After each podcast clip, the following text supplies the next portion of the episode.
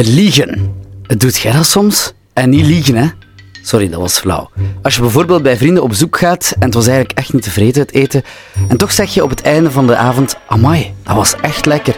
Straffer nog, vaak durf je zelfs nog een stapje verder te gaan en vraag je naar het recept omdat het echt zo gesmaakt heeft. Als je bijvoorbeeld mama of papa bent, dan zou je het ook wel herkennen. Dan lieg je eigenlijk voortdurend. Oh, de zon is al onder. Of, of als Wat een mooie tekening. Wat Heb een mooie tekening. Je hoort actrice Amber Goethals van Compagnie Barbarie. Zij kwam samen met theatermaakster en ook actrice Caroline de Blazer op bezoek om te praten over de voorstelling die ze samen met Bronx hebben gemaakt. Dit is niet de titel. Een voorstelling? Misschien over de waarheid, maar vooral over liegen. Want iedereen liegt wel eens. Van Pinocchio tot een ouder of zelfs... Goh, ik weet het niet. Politici? Maar je hebt natuurlijk ook verschillende vormen van liegen. Want ja, wat is liegen nu eigenlijk precies? Ik denk dat we gewoon moeten aanvaarden dat we allemaal liegen. De dieren trouwens ook. Of toch veel dieren. Ja. Eh, dat zit in onze natuur. Persoonlijk ben ik ook iemand die heel graag mijn verhalen een beetje Aandikt, ja. aandikt. Ja. Waarom? Ja, dat weet ik niet. Om het leuker te maken voor de mensen die het horen. En dat Je bent ook speler natuurlijk, hè? Ja. voilà, dat zal er ook wel iets mee te maken hebben. Eh, maar ja, we liegen allemaal, hè, heel de dag. Mhm. Ja, dit is niet de titel. Dat vond ik eigenlijk al een leuk begin. Daarom wou ik er al iets mee doen. Eh Carolien, Mhm. ehm, waarom over liegen? Ja, omdat dat een, een, eh, een thema is waar dan, waarvan we voelen dat dat ook wel bij kinderen, of ook bij onze kinderen toch ook wel, eh, wel leeft. En dat je voelt, wij zeggen heel hard tegen onze kinderen, je moogt nooit liegen en zeg de waarheid. En nu wil ik de waarheid horen en niks aan de waarheid. Alsof liegen echt het aller, allerergste is.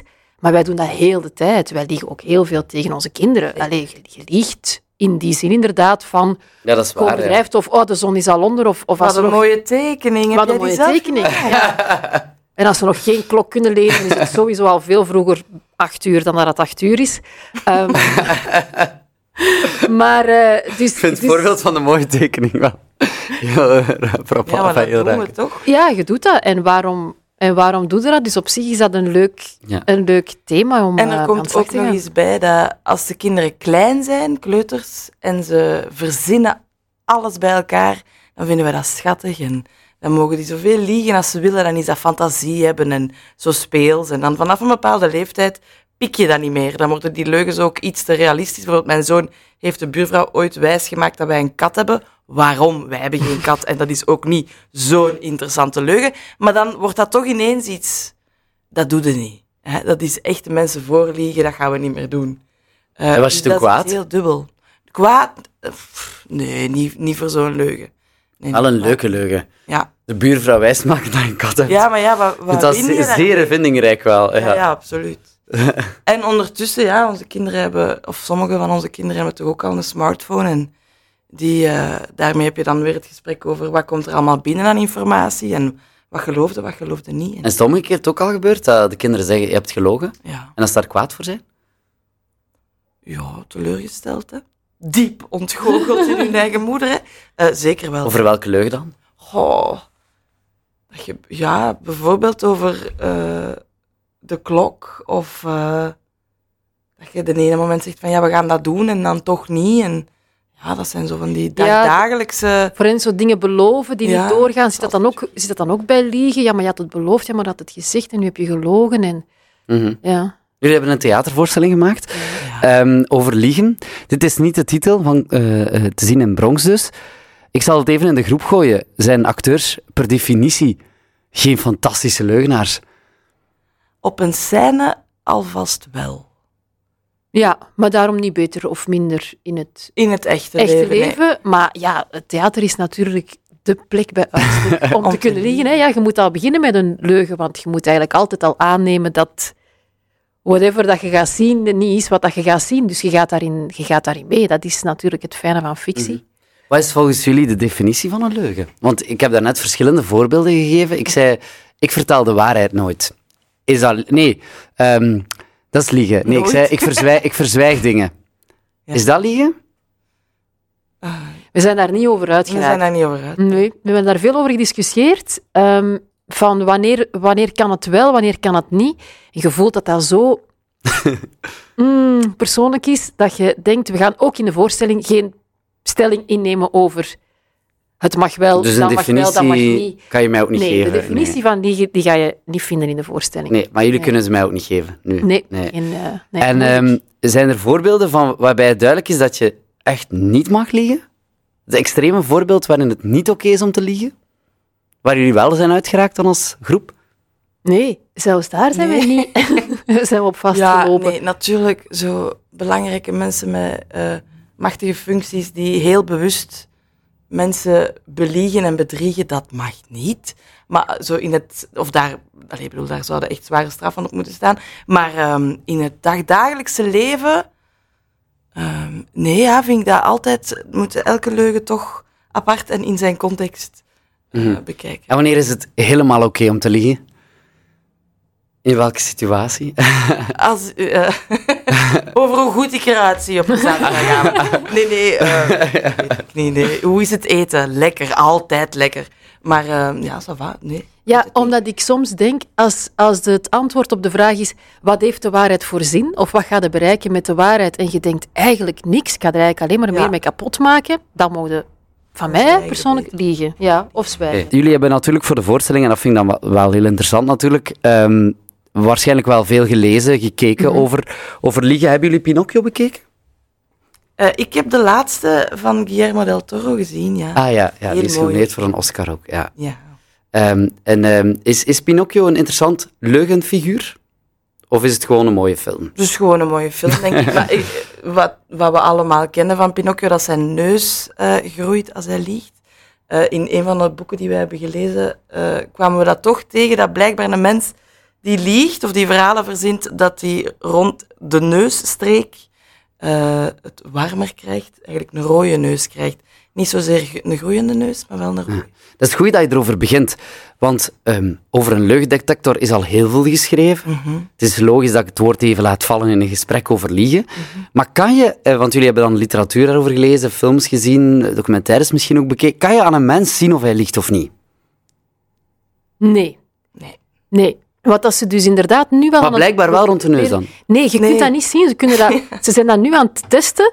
Ehm, de laatste, dat was een van de TED-talk, denk ik, dat we daarover hebben gezien. Dan blijkt dat ze als ze een eh, infraroodcamera op je gezicht projecteren en je liegt dan, dan kijken ze eigenlijk naar de warmte die oplicht onder je gezicht. En dan zou dat dus inderdaad rond de neus rood worden, maar je ziet dat niet met blote oog. En dat is recent onderzoek. Ja. Ja, Ah ja, vandaar dus de neus bij Pinocchio. Denk, Ja, denken we dan. Ja, ja, dat, is de con- dat is onze conclusie daar toch natuurlijk. iets van Ja. jeuk en, en warmte en neus Mhm. en wie weet. nee, Ja. ja. we hebben heel goede literatuur gelezen en af en toe ook dingen gelezen waarvan dat je denkt, Dat geloven is. En effectief, eh eh, politierechercheurs die aan de hand van eh, fysieke kenmerken beoordelen of een, eh, een verdachte schuldig is of niet, dat is gevaarlijk. Ja, want er zijn heel veel van die theorieën, zoals de voeten richting de deur wijzen, dan wil dat zeggen dat hij liegt, want dan zoekt hij de uitgang op. En ehm Naar Ja, boven kijken als je aan het nadenken bent of naar beneden. Het zijn wel allemaal heel gevaarlijke theorieën, waar toch, denk ik, al menig mensen op veroordeeld is Ja, geweest ja, over ja. de stand van zijn schoenen. Maar ja. Ja. Dus, dus mensen zijn al per ongeluk ehm, verkeerdelijk in de, in de gevangenis beland, omdat ze dus eh, met hun schoenen naar de deur wezen. Of wezen. verdacht overkomen. ja. Ja, welke nonsens hebben jullie nog gelezen over liegen? Nonsens. ehm, Volgens jullie, ja dan. wacht, hè. Even denken. Echt nog echt een nonsens? Ehm, nee, ja, we hebben die ene serie gezien. Prachtig. Weet hoe die heet? Dat weet ik niet meer. Amerikaanse eh, fictiereeks waarbij de rechercheur in kwestie ehm, ja, dus zo'n Een gave had waaraan dat hem kon zien leugenexpert. Waarbij er dan zo in microbewegingen, want dat is ook een hele theorie, dat er zo mi- minuscule bewegingen zijn die gemaakt in je gezicht, van die kleine trekken waarbij dat je liegt. En die rechercheur die kon dat allemaal zien, zeg. Ja, Dus als, ik, fantastisch. zonde. als ik aan jullie vraag, werkt een leugendetector, dan is het antwoord nee. Nee. Nee, nee, Nee, nee, ja. nee, dat weet ik niet. Zijn er in de geschiedenis, of hebben jullie fascinerende leugenaars, of zijn jullie fascinerende leugenaars tegengekomen? Met andere woorden, zijn er mensen die echt gewoon geweldig goed kunnen liegen? Ja, er zijn ook zeker mensen die, ehm, die door zo mensen met een bepaald soort hersenschade, die bepaalde dingen niet meer weten en die dus heel goed kunnen liegen, omdat ze Ah ja, dat is van, ver- van het ene element en Wat zei je? Dat is geweldig, Anne. Ja, Ja. ja. dat is fantastisch. eh, hoe heet dat, confabuleren. Confabuleren, ja, vaak mensen die hersenschade hebben opgelopen door een ongeluk of zo. En, ehm, En die beginnen, en dat zit ook in Usual Suspects. Allee, dat is ja, ver- eh, vergelijkbaar. Die beginnen verhalen te verzinnen met alles wat ze zien. Dus als die nu bij u op bezoek zouden komen voor een interview en jij stelt een vraag over Mhm. inderdaad wat. En ik zie een camera hangen, dan zou ik met die camera een verhaal beginnen vertellen, eh, ehm, fabriceren en dan een rode micro. En, en zo verzinnen die heel de waanzinnige... eh, Maar ze kunnen er eigenlijk zelf niks aan doen. Nee. Ja. Nee, dat is echt omdat je gaten invult in het geheugen die dus geen steek houden, plukt de elementen die je ziet of die je ergens nog je herinnert en je propt die allemaal in één soort van samenhangend verhaal. ja, Als ik zou vragen, is er een geschiedenis van liegen? Waarschijnlijk niet, want de mensen doen het al vanaf Ja. dag ja één eigenlijk. absoluut. Ja. Het hoort bij een samenleving. En primaten doen het Mhm. ook. En ja, het, heeft, Ja. eh, het, heeft, het is ook een soort overlevings... eh, Mhm. Maar welk type mensen zijn hele goede leugenaars? slimme mensen. Mensen met veel... Ik weet dat niet, je kunt dat eigenlijk niet zeggen. Ik denk dat wij allemaal goed kunnen liegen. Ik denk dat we dat eigenlijk allemaal ook... En zo sociopaten of zo? Allee, zo mensen die... Ja, dat is Ja, ze zeggen ook dat intelligente mensen beter kunnen liegen. Ja. Ehm, Mhm. ja, politiekers zeker. Ik, ik, wel, ik, ik wou het vragen. Ja, het woord politici is, is, Ja, is ja. nog niet gevallen als het gaat over liegen. Ja, er is er ooit zo een geweest in Amerika, die kon dat ook goed. Die, Ja. eh, Trump- Trump of zoiets? Ja, zit die in de voorstelling? Nee, Nee. nee zeg. Heeft Nee, we hebben wel echt een... Wat we het interessantste, of heel interessant vonden aan leugens, is eh, dat je een leugen construeert en dan op een bepaald moment er zo in vast geraakt in die constructie. Dus we zijn ook wel echt op zoek gegaan, vormelijk dan voor de voorstelling, naar een constructie. Naar van de ene leugen in de andere verzeild geraken, Ja. die dan weer aannemen, een andere niet. En, dus het is eigenlijk een kluwe van eh, leugens en waarheden en het is aan het publiek of aan de kinderen. Ehm Carolien, jij vertelde daarnet tijdens het plaatje een heel mooi verhaal over een leugen. Ah ja, Wil je die nog vertellen? Ja, ik wil dat nog vertellen. Ik, eh, ik heb mijn, eh, mijn zoon wijsgemaakt ooit, om, toen hij nog klein was, hij was twee, drie jaar, ehm, heb ik vaak tegen hem gezegd, ja, je mag chocolade eten, tuurlijk, maar jij lust dat niet. Dus neem maar dat chocolaatje, maar je gaat dat niet lekker vinden. En ik dacht, op een bepaald moment stop ik daar dan mee, maar gewoon hè, vanaf zo'n kleuter niet te veel chocolade geven. En ehm, ja, dat heeft gewerkt. Hij eh, eet nog altijd geen Hoe, chocolade. hoe oud is hij? Negen. Dus jongen, eh, als je niet luistert, eh, hij lust het niet. Hij eet het af en toe een beetje, maar het is, hij vindt het niet zo lekker. dat is een heerlijk verhaal. Ja, kijk. De voorstelling Dit is niet de titel speelt het weekend. Het eerste weekend van februari is dat bij Bronx. En kan je later nog gaan checken in onder meer Tervuren en ook in Deelbeek. Check de site van eh, Compagnie Barbarie of kijk eens op bronx.be. Dit was trouwens een podcast van Brus. Hopelijk vond je het leuk. Al onze andere podcasts kan je checken via brus.be slash podcast.